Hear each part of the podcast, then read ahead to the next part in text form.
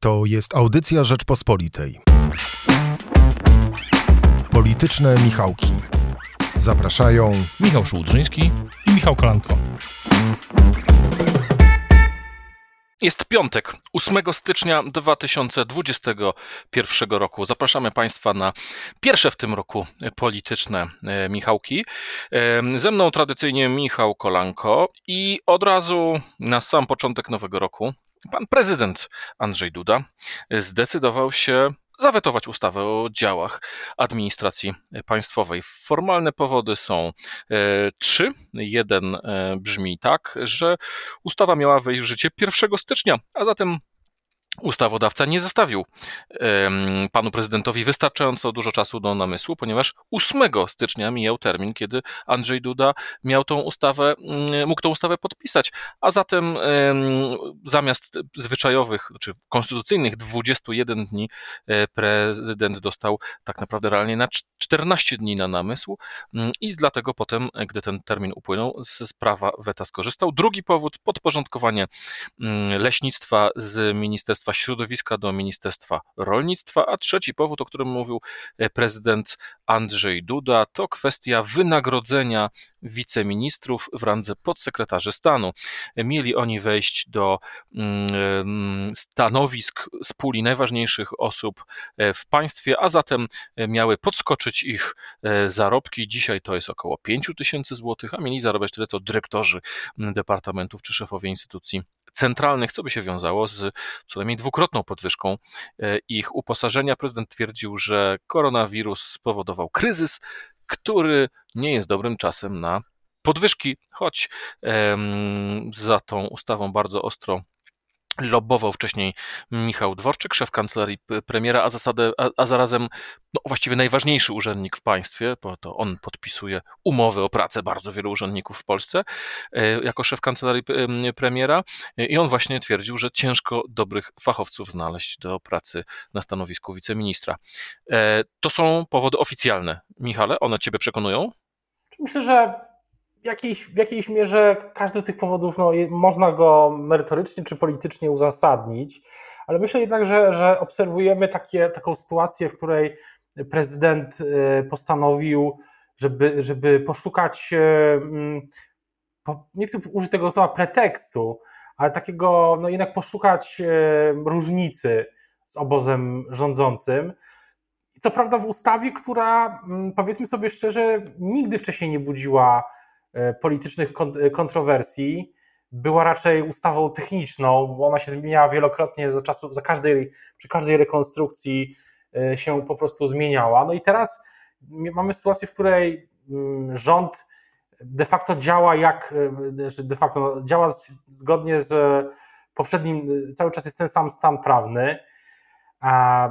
To komplikuje bardzo życie obozowi rządzącemu, mm, bo jest też argument, że rząd ma działać, miał działać sprawniej. To w ogóle ta cała dyskusja o tym, czy będzie, jak będzie mniej ministerstw, to ma działać sprawniej. No, i, i to wszystko to wszystko się połączyło w, w, takim momencie, w którym, tak mi się wydaje, prezydent, tak jak zauważyłeś niedawno w swoim e, w komentarzu, no, no, troszeczkę się tak e, bardziej asertywnie zaczął, e, zaczął działać bardziej asertywnie w, na starcie drugiej e, kadencji, czy, czy może po pół roku drugiej kadencji.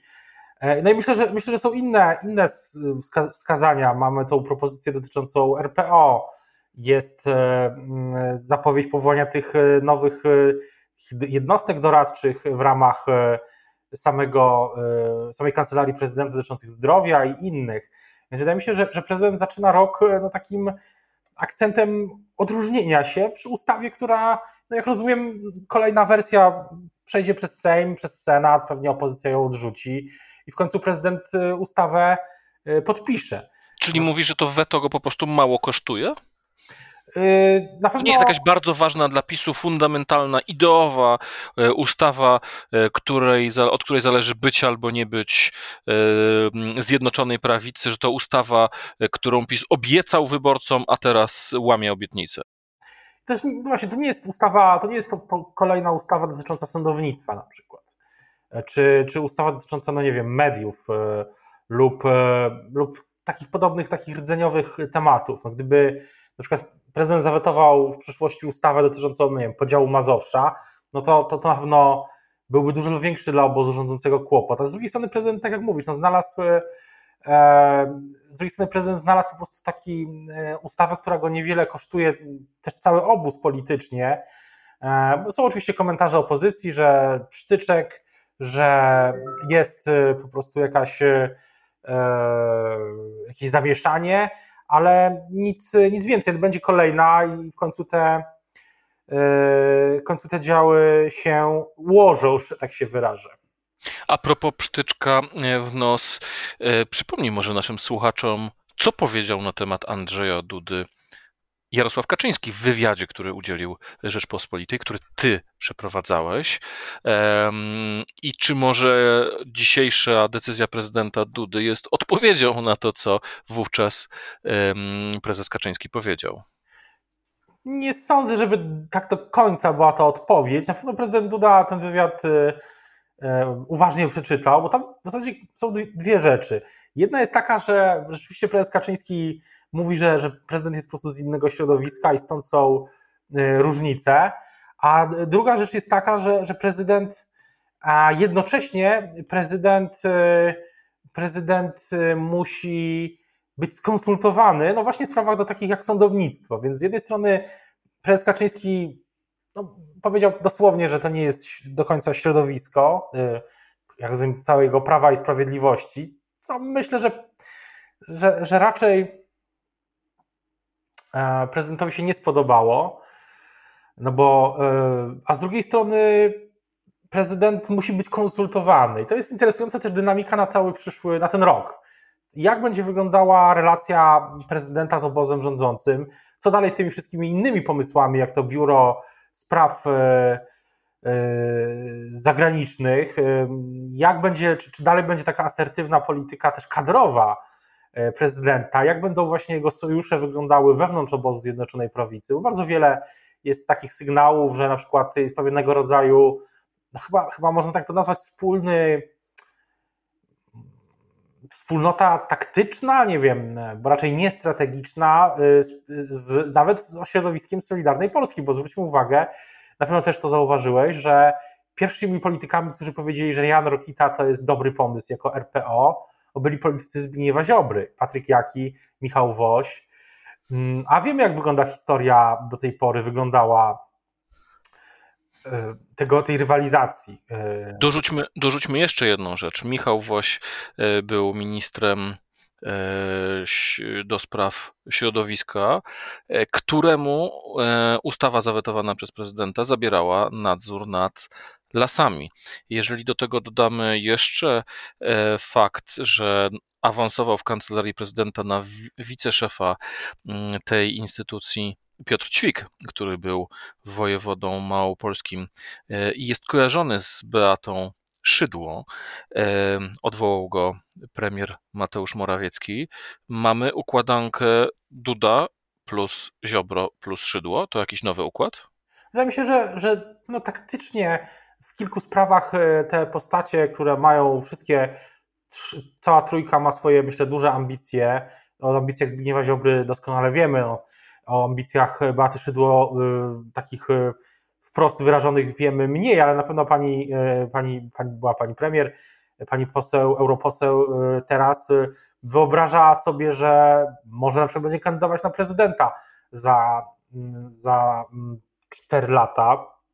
I myślę, że w PiSie takie segmentowanie tego całego środowiska na nowe, w nowy sposób może się odbywać. Ono będzie płynne dosyć, mogą być e, inne sojusze, których e, jeszcze na których nie myśleliśmy, czy, czy mogą nas zaskoczyć w tym roku.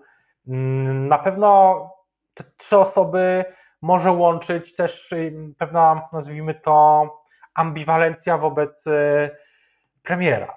W przypadku Zbigniewa Ziobry dosyć oczywista, a w przypadku prezydenta mm, i prezydenta i pani premier Szydło no, mniej wyrażana na pewno publicznie, ale, ale na pewno taka, takiej ambiwalencji też e, się czasami słyszy w kuluarach. Chciałem Cię zapytać jeszcze o jedną rzecz związaną z tym wetem pana prezydenta, dlatego że mm, w czasie kampanii wyborczej padały pod adresem prezydenta Andrzeja Dudy zarzuty, że nie jest politykiem samodzielnym. I sztabowcy Prawa i Sprawiedliwości wymyślili odpowiedź na ten zarzut. Mówili, e, szczególnie w drugiej turze, że stoimy przed następującym wyborem. Albo wygra Andrzej Duda, który będzie świetnie współpracował z obozem władzy, e, będą szli ręka w rękę mm, i dzięki temu będzie to idealna sytuacja na kryzys, gdzie niepotrzebny jest polityczny konflikt, tylko właśnie jest ważna współpraca.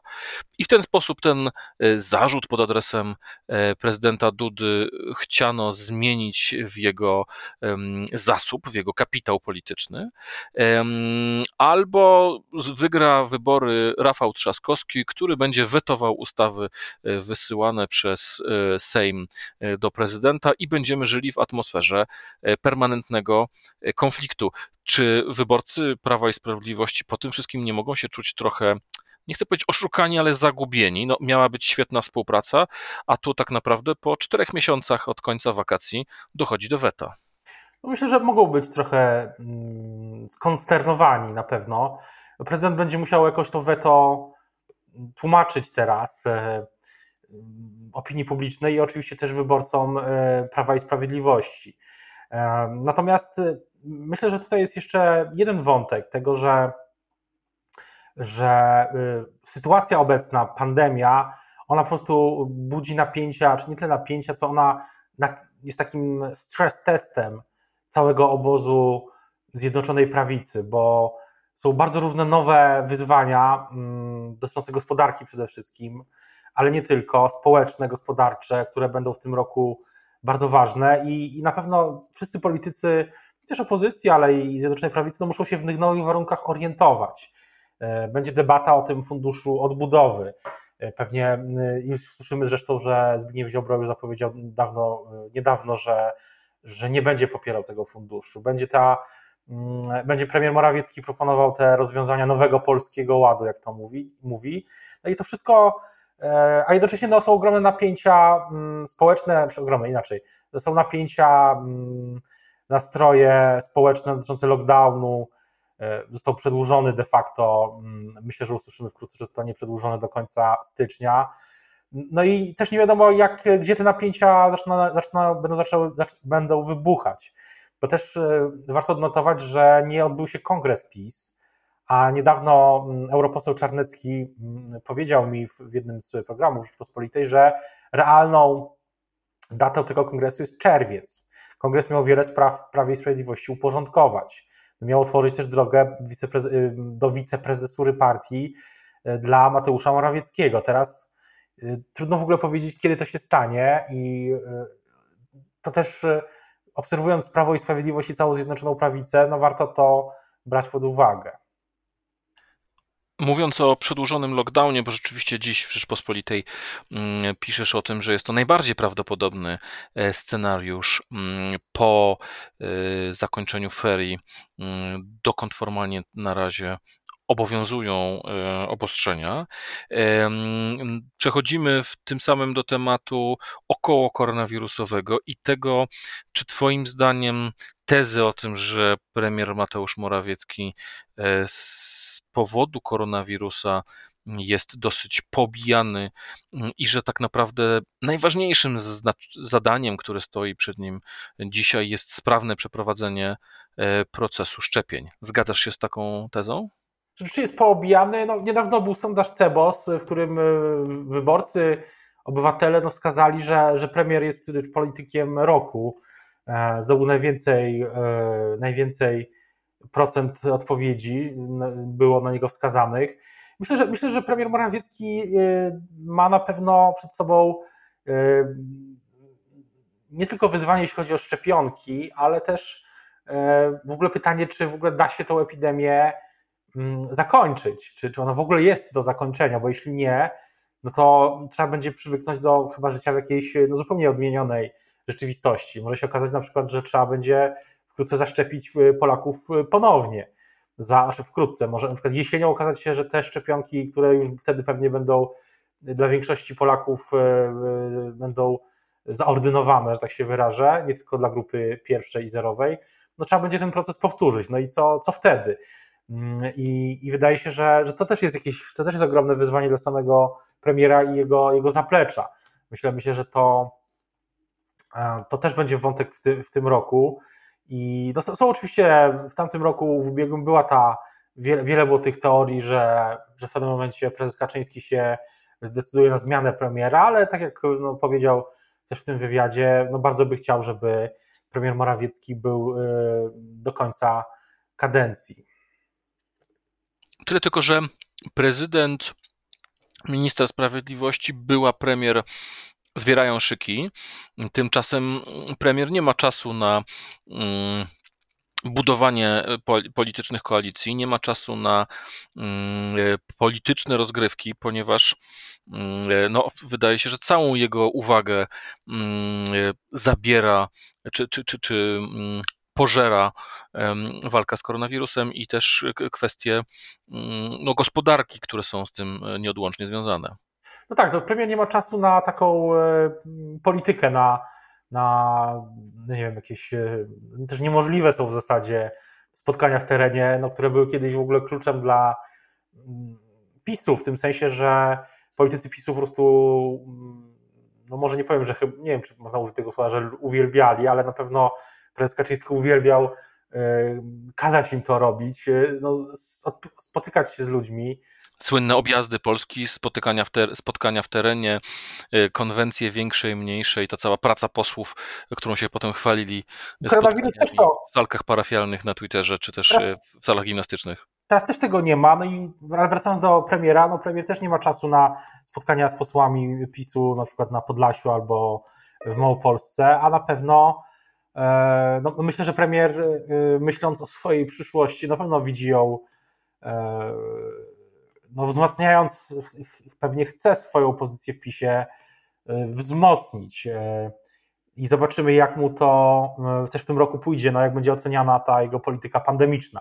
Natomiast na pewno, na pewno obozowi rządzącemu obóz rządzący jest, tak jak rozmawiam, no to E, trudno uznać, nie ma tu chyba żadnego zaskoczenia, że jest bardzo, może zadowolony to nie, ale no na pewno nie martwi obozu rządzącego to, że e, są kolejne informacje o kolejnych osobach, e, które się zaszczepiły mm, w umie. No właśnie, no właśnie. Tu dochodzimy do tego. Hmm skandalu czy, czy, czy, czy, czy afery szczepionkowej, jak to nazywają prorządowe media, mm, ale chyba nikt z zachowania e, osób znanych, aktorów i teraz się okazuje również biznesmenów, e, nie, nie, nie pochwala w tym sensie, że no, była to pula dla członków tak zwanej grupy zero, czyli tych, którzy są na froncie walki z koronawirusem. Czy ty zgadzasz się z tą tezą, że mając takie w cudzysłowie antypisowskie elity, e, zamknąć cudzysłów, PiS będzie rządzić jeszcze dłużej, ponieważ to same, e, no o aktorzy, o których mówiliśmy, byli znani z wypowiedzi bardzo krytycznych pod adresem i Prawa i Sprawiedliwości, i wyborców e, Prawa i Sprawiedliwości. E, stąd pojawiła się taka teza, że to ich zachowanie tylko wzmacnia obóz e, rządzący. Czy też nie jest tak, ja tak sugerowałem w jednym z komentarzy, że na dłuższą metę jest to dla PiSu ryzykowne, ponieważ przykuwa uwagę do sprawy najważniejszej, czyli że w ciągu sześciu lat PiS nie zrobił rewolucji e, w służbie zdrowia e, i tak jak e, w wielu innych dziedzinach związanych z usługami publicznymi, ci, którzy mają znajomości albo mają pieniądze, są w sobie w stanie załatwić lepszą obsługę niż przeciętny wyborca. Ja powiem tak, jeszcze, ja powiem jeszcze inaczej. W zasadzie jedno i drugie jest, znaczy z jednym i drugim się zgadzam. Na pewno zgadzam się z tym, że rzeczywiście jakość usług publicznych i ich taka nie tyle nawet jakość, nie tyle nawet jakość, co sposób działania, te nierówności, e, o których mówiłeś, e, no nie, nie, nie uległy zmianom. zbyt PiS mówi o tej rewolucji godności, mówi o tych programach społecznych, szykuje nowe, czy uruchamia nowe, jak ten program wsparcia dla PG, terenów popegierowskich. Myślę, ciekawy, warto obserwować ten program, jego realizację. No ale właśnie te usługi publiczne, mm, no to jest pięta achillesowa, ale z drugiej strony oczywiście dla PiSu jest wygodna dyskusja o tych aktorach, to nie ma dwóch zdań E, czy, czy teraz biznesmenach, to będą nowe wątki może jeszcze wychodziły na jaw, bo myślę, że, że może jakieś tu jeszcze niespodzianki, tak myślę, że, że pewnie jeszcze gdzieś tu tkwią. Natomiast e, ja powiem tak, że dla PiSu moim zdaniem największym wyzwaniem może być w tym roku i nie tylko e, dostrzeżenie momentu, w którym opozycja realnie zacznie się zmieniać i dostosowanie też nowej swojej strategii do tego. No bo do tej pory strategia PiSu w zasadzie polegała na tym samym, co Y, od 2015 roku, że no my właśnie jesteśmy, mamy tu rewolucję godności, mm, ludzie, którzy są, y, byli niedoceniani y, przez system, przez platformę, teraz są doceniani i życie się zmienia na lepsze, a platforma jest 8 ostatnich lat z PSL-em robili to, to, to. I no i tak przez w zasadzie ostatnie 5 lat mniej więcej to samo słyszeliśmy, ale w pewnym momencie opozycja moim zdaniem już teraz się zmienia, to już widać, E, powoli, to będzie proces powolny, ale w pewnym momencie PiS, e, zobaczymy, czy PiS tą też zmianę będzie potrafił dostrzec, bo wtedy będzie potrzebna nowa strategia. Mm, jeśli nie, no to wtedy e, może być bardzo ciekawie. No zwłaszcza, że, że wybory się odbę- wybory czy odbędą się za, za dwa lata, czy w 2023, czy wcześniej, czy będą wybory na Mazowszu, no to w pewnym momencie opozycja być może dojdzie do jakiejś konsolidacji. Być może będzie jedna lista, być może będą dwie, być może Szymon Hołownia na przykład zdecyduje się na współpracę nie z PSL-em, ale na przykład z Platformą. O czym zresztą mówi w swojej, pisze w swojej książce, że Platforma musi nieco osłabnąć, żeby zmieniła taką, zmieniła swoje hegemoniczne nastawienie. No i wtedy, y, tak rozumiem to przesłanie y, pana Szymona Hołowni, jest możliwa współpraca, wtedy z dobrej partnerskiej współpracy zrodzić się może fala nowej e, energii. I taki właśnie blok e, byłby na pewno interesujący, interesującą propozycją. Co prawda, najczęściej nasze polityczne Michałki e, dotyczą spraw krajowych, ale e, tak samo jak raz rozmawialiśmy, nie raz rozmawialiśmy o tym, jak wynik amerykańskich wyborów może wpłynąć na polską politykę, e, tak teraz chciałem się Ciebie zapytać o te wydarzenia ze środy, gdy w Polsce zziębnięci uczestnicy Marszów Trzech Króli rozgrzewali się w domu gorącą herbatą, włączali telewizor i widzieli w nim dramatyczne sceny e, z amerykańskiej e, stolicy. Szybko zaczęło się przerzucanie winą. Zdaniem TVP i części polityków PiSu, mm, ci, którzy wdarli się do sali, do kongresu, do, na, na wzgórze Kapitolu, e, to tak naprawdę są tacy jak nasza opozycja, a z kolei słuchając polityków opozycji można było stwierdzić, że y, to Jarosław Kaczyński mm, na spółkę z Donaldem Trumpem wysłał działaczy alt-rightu czy, czy, czy, czy skrajnej amerykańskiej prawicy do tego, żeby przerwali y, posiedzenie połączonych izb e, parlamentu, więc od razu ta sprawa miała swój y, polski kontekst. Czy Twoim zdaniem to jakoś wpłynie na naszą politykę? To trzeba. Myślę, że mm, wiele było w, przez ostatnie lata takich tez, że coś, co się wydarzyło na zewnątrz, będzie właśnie miało od, razu mocny wpływ. Myślę, że dużo zależy od tego, jak Joe Biden będzie prowadził swoją kadencję. Na ile, mm, na ile to jego otoczenie też y, y, będzie, mm, w jakim kierunku zabierze Amerykę, politykę międzynarodową. To jego wczorajsze jego wystąpienie, które, nagrał, które widzieliśmy w czwartek, no było bardzo takie. E, no, w pewnym momencie nawet wydawało się, że, że Joe Biden jest po prostu wściekły, czego nie widzieliśmy nigdy w kampanii. Zresztą pewnie e, bardzo, bardzo to było, mm, to było jasne, że, że taka pewnie jest taktyka, żeby nie pokazywać Bidena, żeby się nie pokazywał jako osoba zła, ale no był, wydawało się, dosyć wściekły i y, zły, taki skonsternowany.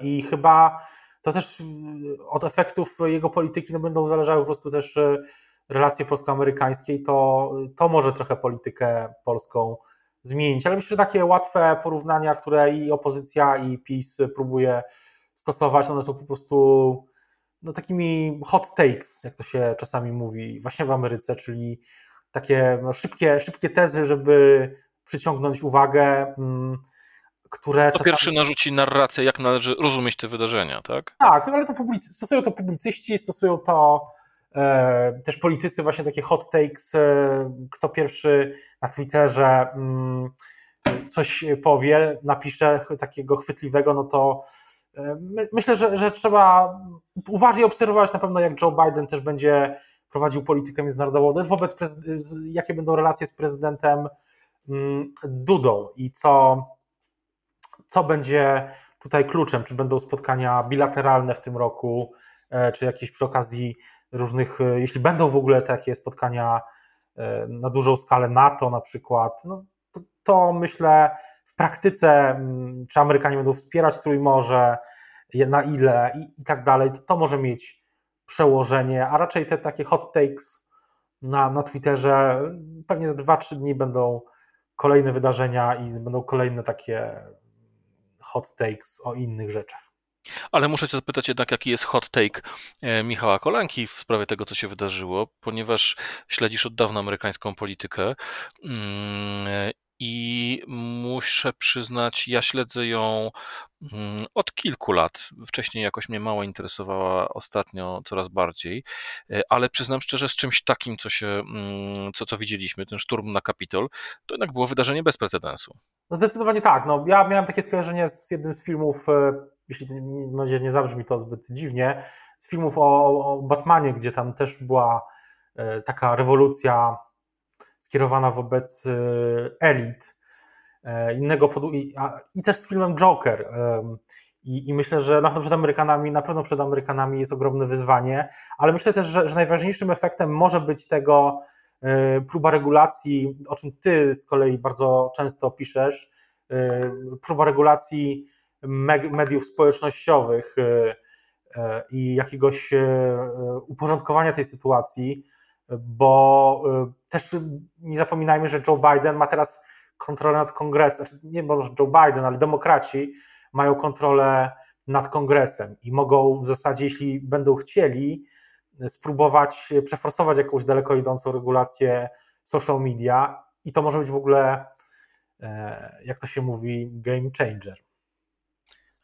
Czy to będzie game changer, czy nie, to się przekonamy. Fakt jest faktem, że rozmaici zwolennicy teorii spiskowych i e, działacze e, no, skrajnie prawicowych, no wręcz rasistowskich mm, ugrupowań używam słowa rasistowski z pełnym tego e, słowa znaczeniu, bo jeżeli ktoś na, e, na, na, na ubraniach miał otwarcie antysemickie hasła, to, to ciężko go nazwać inaczej. I wiemy, że ci wszyscy ludzie skrzykiwali się właśnie w mediach społecznościowych do wspólnej pikiety, a potem zachęceni przez e, prezydenta Trumpa ruszyli na Kapitol. Ale zostawmy na moment, czy zostawmy już na dzisiaj sprawę amerykańską, ponieważ jest to pierwsza audycja w nowym roku. Michale, na końcu chciałem Cię zapytać o prognozę. Spróbuj odpowiedzieć mi na dwie pytania, na dwa pytania. Pierwsze, A, czy w tym roku będą przyspieszone wybory? B, czy w tym roku dojdzie do zjednoczenia opozycji? Powiem tylko dla utrudnienia, że moim zdaniem odpowiedź na oba te pytania brzmi nie. Ja się z Tobą y, absolutnie zgadzam. Y, wyborów przyspieszonych nie będzie, bo raczej nie będzie, bo inaczej, moim zdaniem bardziej prawdopodobne jest to, że konflikty w obozie rządzącym będą, poważne nawet, kolejne kryzysy, przesilenia, narady na Nowogrodzkiej, a nie, ale przyspieszonych wyborów raczej nie, nie sądzę, żeby były, raczej. Natomiast y, wybory na Mazowszu najpewniej będą. To będzie też okazja dla, dla opozycji na przetestowanie pewnych y, nowych rozwiązań, nowych bloków, może właśnie takiego bloku PO Hołownia, może bloku całej listy opozycji, a może jeszcze jakichś innych konfiguracji. E, myślę, że opozycja się w tym roku nie zjednoczy. E, chyba, że na przykład PiS mm, mocno naciśnie gaz i na przykład zmieni ordynację wyborczą, ale to wydaje mi się jest mało prawdopodobne. E, myślę, że PiS jest w takim momencie, że stać że na pewno będzie próbował jeszcze poważnych zmian w Polsce, jak w sądownictwie, o czym też mówił, mówią politycy i Zbigniew Ziobro, i Jarosław Kaczyński, i premier Morawiecki, oczywiście każdy inaczej. I y, też będzie tutaj bardzo ważna rola Jarosława Gowina, ale y, myślę, że potencjał do takich naprawdę y, gigantycznych zmian nie ma już chyba, zwłaszcza teraz, kapitału politycznego, żeby, żeby legislacyjnie je przeprowadzać, ale został zawsze, jest oczywiście też Trybunał, co już w tamtym roku widzieliśmy. To tyle w politycznych Michałkach e, pod koniec pierwszego tygodnia nowego roku. Bardzo Państwu e, dziękujemy za e, uwagę. Dziękujemy naszemu realizatorowi Michałowi Patyrze i zachęcamy do słuchania innych audycji Rzeczpospolitej. Do usłyszenia za tydzień. Dziękuję, do usłyszenia. Słuchaj więcej na stronie podcasty.rp.pl. Szukaj Rzeczpospolita Audycje w serwisach streamingowych.